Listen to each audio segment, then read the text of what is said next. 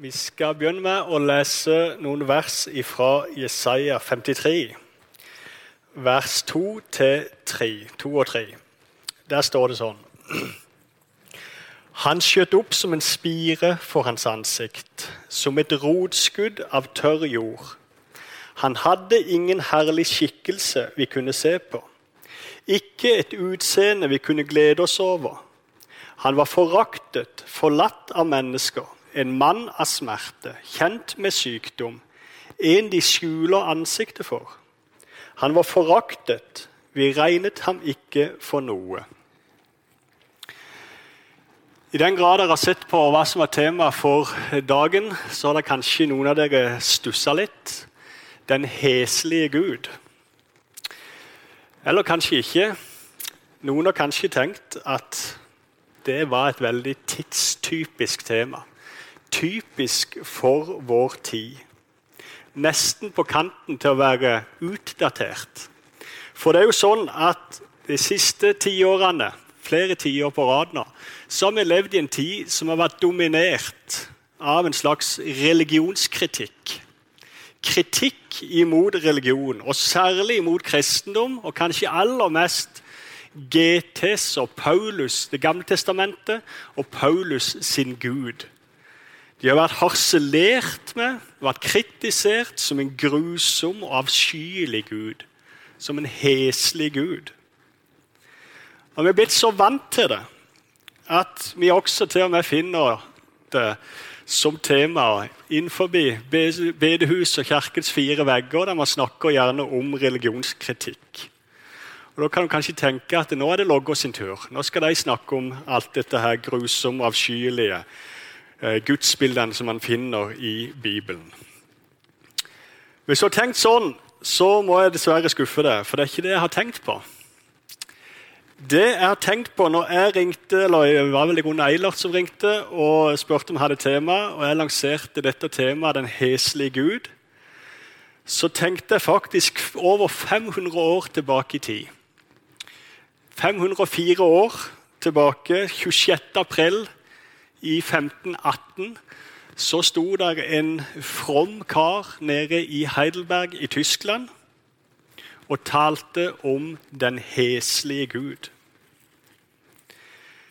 Jeg vet ikke om dere kjenner begrepet heslig. Om dere har hørt det før. Det er et gammelmodig uttrykk. Men det betyr noe sånt som avskyelig, foraktelig og frastøtende. Og det er det motsatte av det herlige, det innbydende, tiltalende, og attraktive og smakfulle. Og jeg liker det ordet, heslig, på et merkelig måte. Fordi at det sier så mye, og fordi det er skal si, for noe anvendelig. Det er anvendelig i møte med alle våre fem sanser. Det, noe kan se heslig ut. Det kan høres heslig ut. Det kan smake og lukte heslig. Og ting kan føles heslig å ta på. Dette uttrykket, her, det brukte altså Martin Luther, som var denne fromme karen for 500 år siden, nede i Heidelberg. Eh, og Han talte om dette og knytta dette til Gud, den heslige Gud. Strengt tatt så snakket ikke han norsk og brukte ikke dette ordet heslig, men det er oversatt sånn i våre norske oversettelser. Og det er en god oversettelse. Og Luthers utgangspunkt var nettopp Jesaja 53, vers 2. Han hadde ingen herlig skikkelse vi kunne se på. Ikke et utseende vi kunne glede oss over. Jesaja 53 er en ganske kjent tekst. Det er en av de få tekstene i Gammeltestamentet som mange kjenner til. Fordi vi møter det ofte i Det nye testamentet, sitert i Det nye testamentet, som en av de tydeligste og klareste kapitlene som inneholder mange sånn profetier om Jesus. I Jesaja 53 så leser vi om Han som ble såret for våre overtredelser, knust for våre misgjerninger. Straffen lå på ham for at vi skulle ha fred, og ved hans sår har vi fått legedom. En profeti om Jesus. Vi får alle vill som får, hver til sin vei, men skylden som lå på oss alle, lot Herren ramme ham. Det er i vers 6 i det samme kapittelet. Eller i vers 11 i Jesaja 53 så står det min, min rettferdige tjener skal gjøre de mange rettferdige. Han har båret deres skyld. Det er mange gullkorn i Jesaja 53 som utfolder for oss betydningen av Jesu død på korset. Men Jesaja 53 sier også noe mer, ifølge Luther. Og Særlig de to første versene, vers 2 og 3, som jeg leste innledningsvis, de taler ikke bare om Jesus på korset, men de taler om Jesus' fremtoning. Hvordan han framsto for folk mer generelt. Og da var det lite å rope hurra for. Som Jesaja 53 sier, han var uten noen herlig skikkelse. Ikke noe utseende å glede seg over. Han var snarere forakta, ikke regnet for noe. Ja, faktisk så galt var det at han var en som man skjuler sitt ansikt for, og som man ikke orka å se på. Kort sagt Jesaja 53 taler om at Jesus rett og slett framsto som ganske heslig.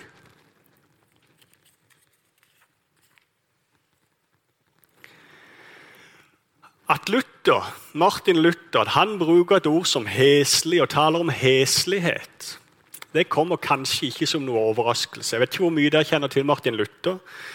Men for mange så er Martin Luther, Det eneste man forbinder med Martin Luther, det er at han var veldig opptatt av menneskets synd. Snakket masse om menneskets synd, og dermed kanskje menneskets heslighet. Og For mange er det provoserende, alt det Martin Luther kunne si om mennesket og menneskets synd. For når Luther når han talte om menneskets synd og syndighet, så talte ikke han sånn som vi ofte taler i dag. Når vi skal tale om at vi er syndere eller syndige eller gjort synd, så er det typisk for oss i dag at vi taler om vår synd nærmest som noe vi lider under. Som en slags lidelse. Og som noe vi er offer for. En avhengighet som vi lider under og som ikke er bra for oss, og som gjør oss vondt, og som vi er ofre for. Og så er det en slags mangel og en tilkortkommethet. Jeg når ikke helt opp, sier vi. Strekker ikke helt til. Så det er sånn vi snakker om at vi er syndere og vår synd. Og da blir jo frelsen, nåden, håpet tilsvarende. Hva er en sånn synder trenger? En som ikke strekker til, en som lider under noe, jo, den trenger sympati, den trenger medlidenhet, den trenger trøst, den trenger hjelp. Ja, kanskje til og med anerkjennelse og aksept. Jeg strekker ikke helt til, men heldigvis er Gud nådig, kjærlig, inkluderende. Og så aksepterer han meg sånn som jeg er. Sånn taler vi ofte om synd og om nåde i vår tid. Men det var ikke sånn Luther talte om synd og nåde. Luther, når han talte om menneskets synd, så talte han om oss som lovbrytere. Ja, som forbrytere. Som opprørere mot Gud. Som sjøl er ansvarlige og står skyldig overfor Gud. Det er ikke bare noe jeg lider under, noe jeg ubevisst, uheldigvis tråkket feil. Nei, jeg synder av og til med viten og vilje. Så bryter jeg hans bud, ikke bare én gang, men igjen og igjen. Håpet, da, det er ikke, at Gud, det er ikke sympati og medlidenhet. Men håpet, da, det er at Gud tilgir. At Gud tilgir opprøreren, forbryteren.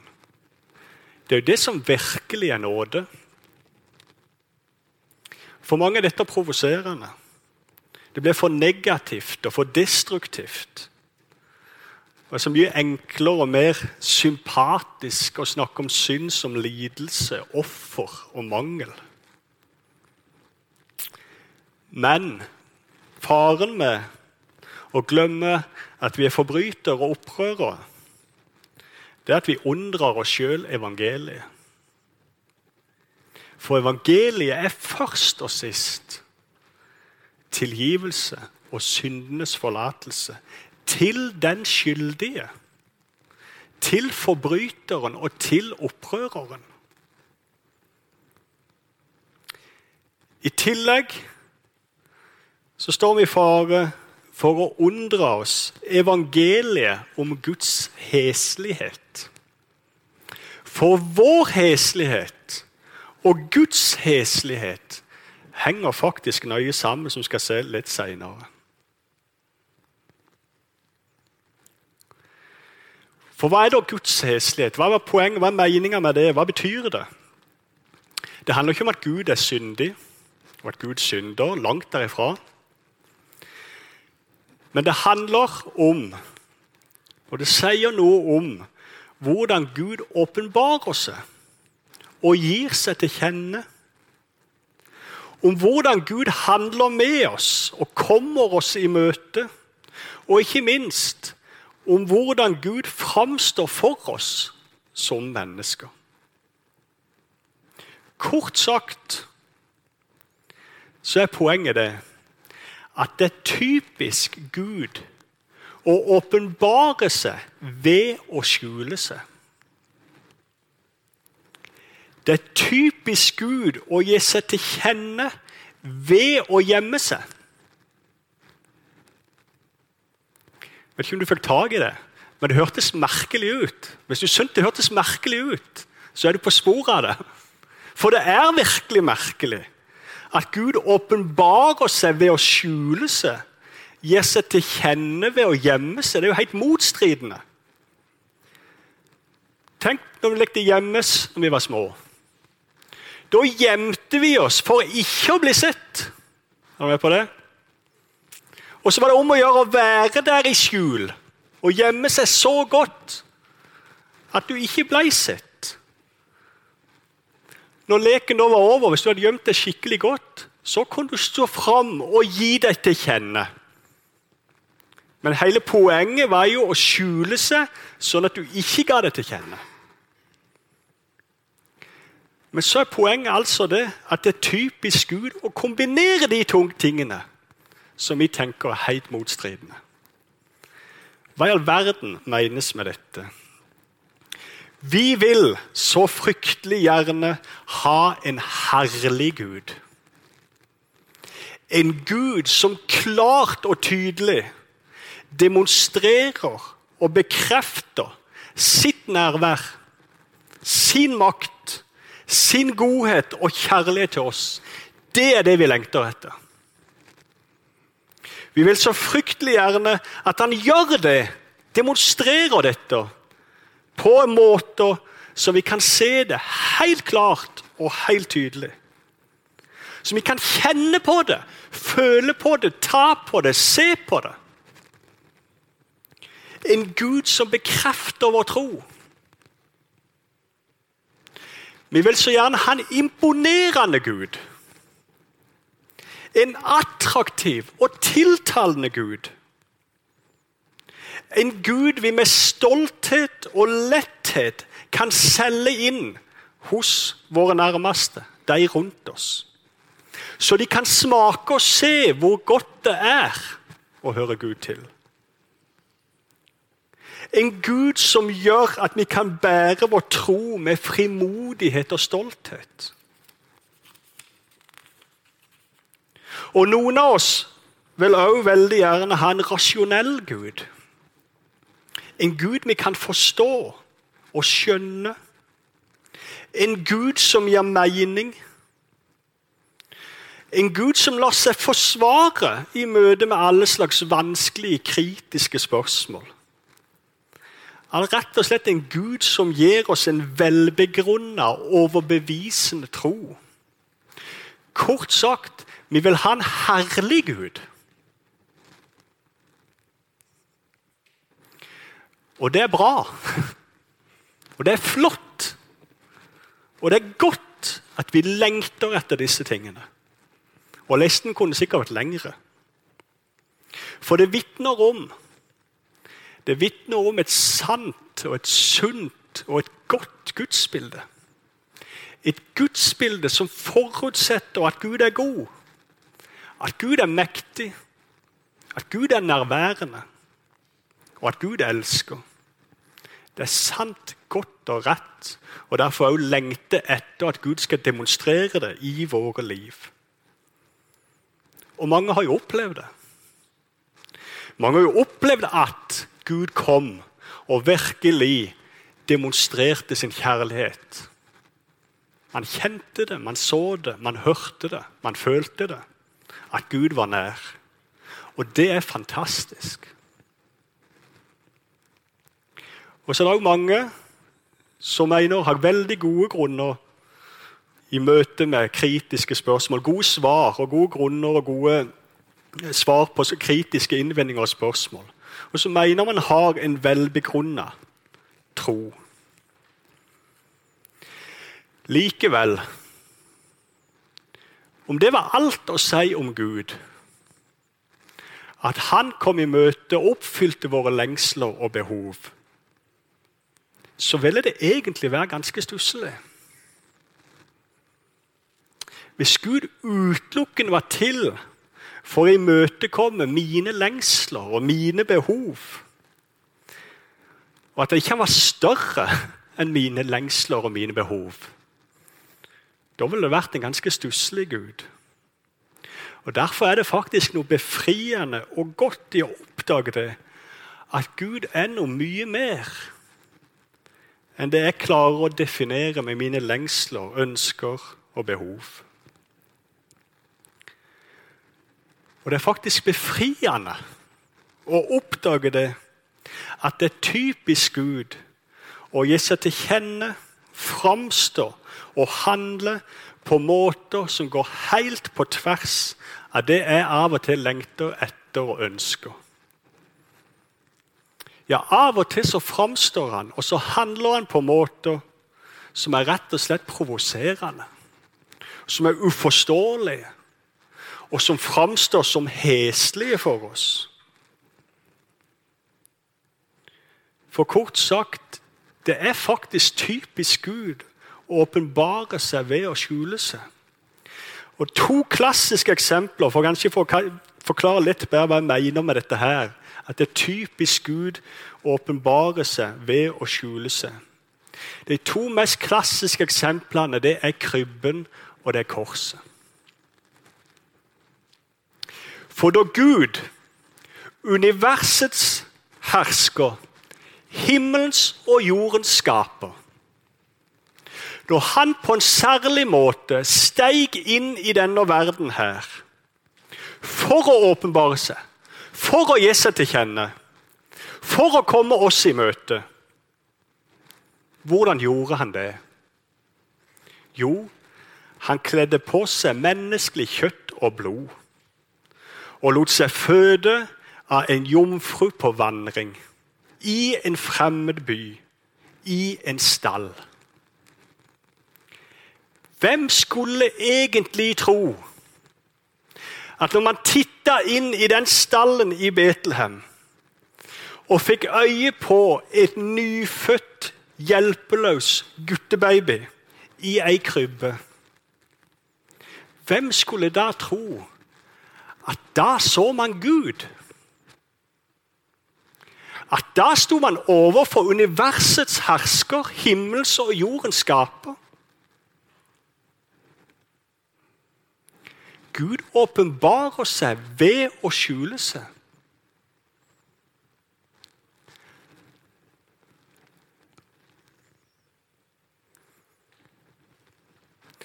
Hvem kunne forestille seg at når Gud altså gjør entré i denne verden, så gjør han det på en så lite herlig, så lite mektig, så lite imponerende måte.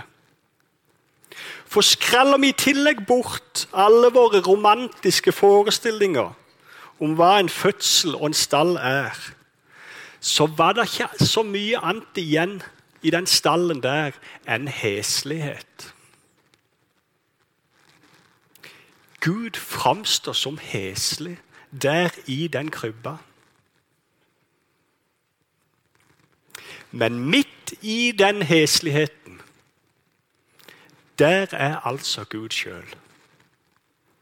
Skjult til stede. Er det med?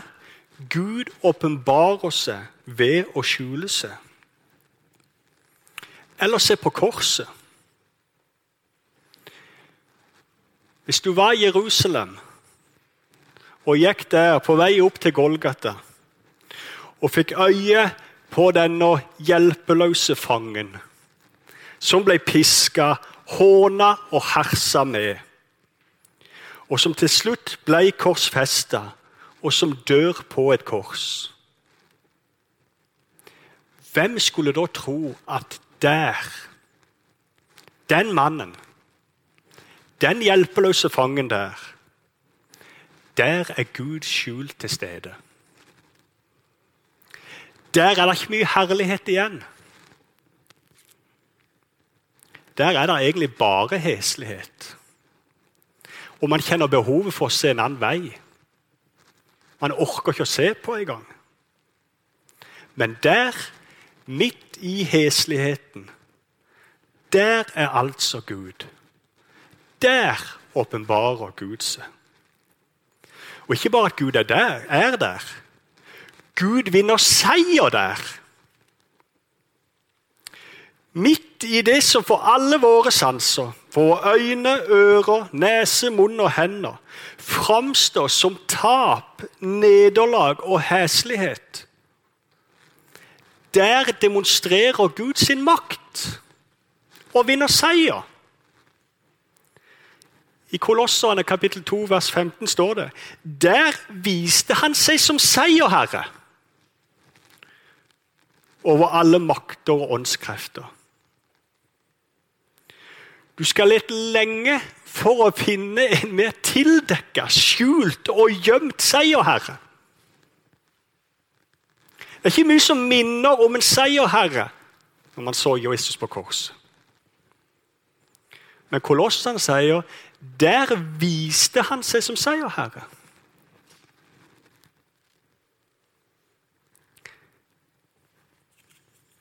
Gud åpenbarer seg ved å skjule seg.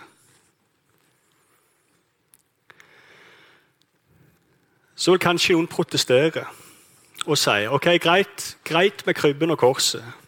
Skjønner poenget der. Men hva med Jesu ord, forkynnelse? og Jesu undergjerninger mens han gikk her på jord. Der skjuler ikke Jesus seg. Der står han jo fram og viser hvem han er. Der viser han sin herlighet, gjør han ikke det? Tenk på bergpreken. Reaksjonene på bergpreken, hvordan var de? Bergpreken i Matteus kapittel 5-7. Hvordan reagerte folk? Jo, der talte Jesus en men myndighet. Så folk måtte erkjenne og si Han taler om en myndighet som langt overgår det skriftlærdes myndighet. Her står han fram med autoritet og med overbevisning og myndighet. Eller enda mer i forbindelse med undergjerningene. Der viste han jo hvem han var. I Johannes 2 så leser vi når jordet vant til vin i bryllupet i Kana, så står det jo nettopp det. Jesus åpenbarte sin herlighet, og disiplene trodde på ham. Der har du den herlige Jesus. Den imponerende Jesus. Der har du den Jesus som vi lengter etter. At han skal demonstrere sin autoritet, sin myndighet og sin makt og igjen, det er flott, og det er sant, og det er rett, og det er godt. Men det er samtidig verdt å legge merke til at det var også en annen side ved Jesu forkynnelse og Jesus sine undergjerninger. Ikke alltid vi får øye på det, Men det står ganske ofte det. Hvis du ser på reaksjonene gjennom evangeliene i Det nye testamentet, se på folkets reaksjon etter han har talt, eller etter han har gjort et under, så ser vi det at det Jesus gjorde, og det Jesus sa, det skapte vel så mye forvirring, usikkerhet, tvil og til og med klage som overbevisning, tro og lovprisning. Et godt eksempel er lignelsene. Vi tenker gjerne på lignelsene som geniale, som pedagogiske og illustrerende fortellinger. Vi tenker kanskje spesielt på den bortkomne sønn og den barmhjertige samritan som gode fortellinger, som lette å forstå. Men sannheten er jo at gjentatte ganger i, i evangeliene så ser vi at etter lignelsene fortalt, så står det det. Men de skjønte ikke hva han mente. Og i Markus 4 så står det enda skarpere. For der står det det. Til dere blir hemmeligheten Og det er til disiplene Jesus sier det. Til dere blir hemmeligheten om Guds rike gitt. Men til dem som er utenfor, blir alt gitt i lignelser. For at de ikke skal se og se, men ikke skjønne. Høre og høre, men ikke forstå. De skapte tvil I stedet for å være pedagogisk illustrerende fortellinger som overbeviste folkemengden umiddelbart, så var det lignelser folk ikke forsto. Og Jesus talte helt bevisst i lignelser for at de ikke skulle forstå. Og Noe av det samme med undergjerningene. I Lukas 2, vers 34, så leser vi om Simon i tempelet løfter opp Jesusbarnet rett etter fødselen. Og så sier han, 'Se, han er satt til et tegn som, eller han er satt til et tegn som blir motsagt. Alle Jesu tegn og under var jo i aller høyeste grad tvetydige. Og man diskuterte hva er dette her for noe. Og Mange konkluderte med at han gjør det ved Beelzebul, fyrsten over eh, de onde maktene. Sagt på en annen måte Jesus ga aldri noe helt entydig, uomtvistelig bevis for hvem han i sannhet var. Det var aldri en enkel, likefrem overbevisende tale som var umulig å imøtegå. Nei, han var et tegn som blir motsagt. For det er typisk Gud å skjule seg, åpenbare seg ved å skjule seg.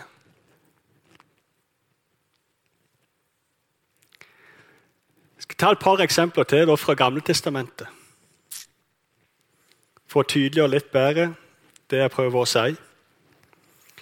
For Hvis vi går til Det gamle testamentet, så er det typisk for oss, eller iallfall for mange av oss, at vi kjenner de klassiske fortellingene.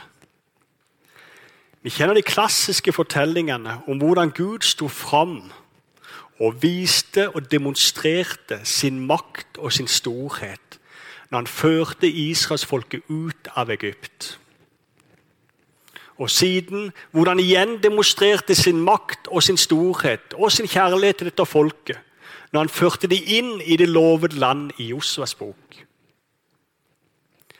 Eller vi kjenner David, David som seira over Goliat, der Gud demonstrerte sin makt og sin herlighet. Og David fikk seire over Goliat. Eller når Daniel ble redda fra løvehåla Igjen, det er stort, det er sant og det er flott. Og fortellingene viser oss nettopp at Gud er en herlig Gud. Han er en sånn Gud som vi lengter etter.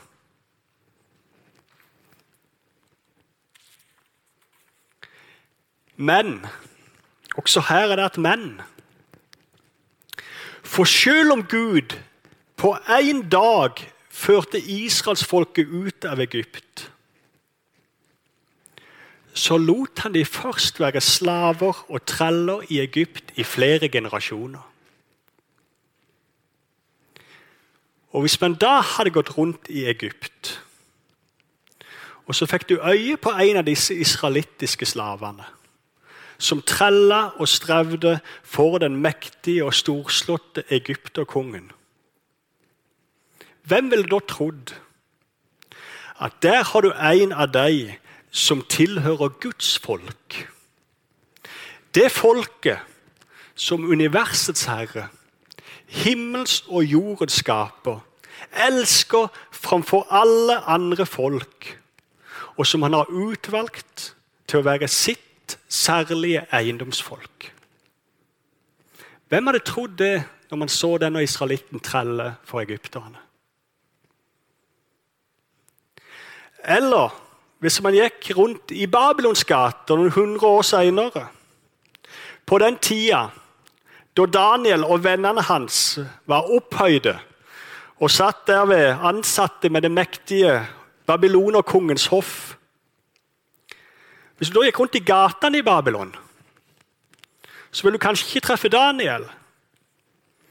Men han nær sagt, kanskje du vil treffe søskenbarnet hans.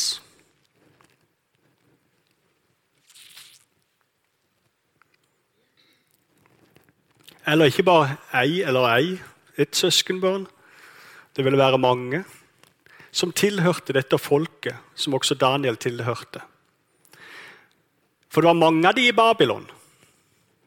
Men du ville ikke møtt en høyt ansett embetsmann som stadig opplevde store undergjerninger, sånn som utfrielse fra løvehåla. Nei, du ville møte en deportert fange som var tvangsflytta fra Jerusalem til Babylon av den mektige babylonerkongen Nebukaneser. Han som hadde erobra landet deres, inntatt byen deres, hovedstaden, tatt kongen deres til fange og siden drept han. Så innsatte en ny konge. Så brant til syvende og sist brant hele byen og tempelet med. Og så ført hele folket i fangenskap i Babylon. Igjen, Hvis du har truffet den gutten eller den jenta ute i Babylons gater, hvem hadde da trodd at denne kvinnen eller denne mannen tilhørte Guds utvalgte og elskede folk? Igjen vil kanskje noen innvende at de, disse to siste eksemplene her, de ikke, du finner jo ikke dem i Bibelen. Ehm, de er jo på et vis konstruerte eksempler. Ja, men de er ikke tatt helt ut av løse lufta.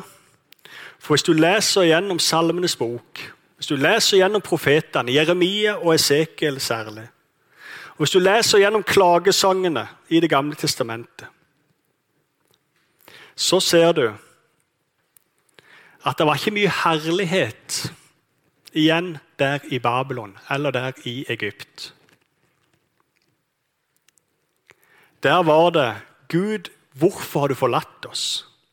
Gud, hvorfor sover du?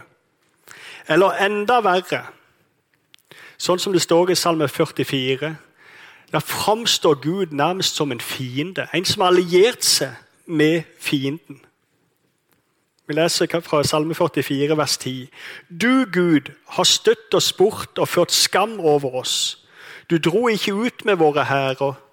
Du lot oss vike tilbake for fienden. De som hatet oss, røvet til seg bytte. Du har gjort oss til slaktefe og spredt oss blant folkene. Du har solgt oss til spottpris. Du tok ikke stor betaling. Du har gjort oss til spott for våre naboer til hån for dem som bor omkring oss. Du har gjort oss til et ordtak blant folkene, og du lar folkeslag riste på hodet av oss. Her framstår Gud rett og slett som en fiende. Ikke bare er han fraværende, men han framstår enda til som en fiende. Gud framstår i hvert fall ikke som herlig. Han framstår som det motsatte av alt det vi ønsker og lengter etter. Og vi ser det gjentatte ganger i Bibelen. Og Det er derfor han sier at det er typisk Gud å åpenbare seg på en skjult måte. På måter som går direkte på tvers av det vi lengter etter og ønsker oss. Ja, på måter som til og med kan framstå som heslige for oss. Men hva er poenget med dette? Hvorfor gjør Gud det sånn? Hvorfor framstår han sånn? Hvorfor åpenbarer han seg på en sånn måte? Det er faktisk ikke lett å svare på. Mange har forsøkt å gi gode svar på hvorfor Gud har gjort det sånn. Det er ikke helt enkelt å si. Men det er noen konsekvenser av det. Det er noen konsekvenser at Gud har gjort valgt å gjøre det på den måten som er i seg selv et evangelium. Og Det er det vi skal stanse for i neste økt. Da skal jeg peke på tre sånne konsekvenser.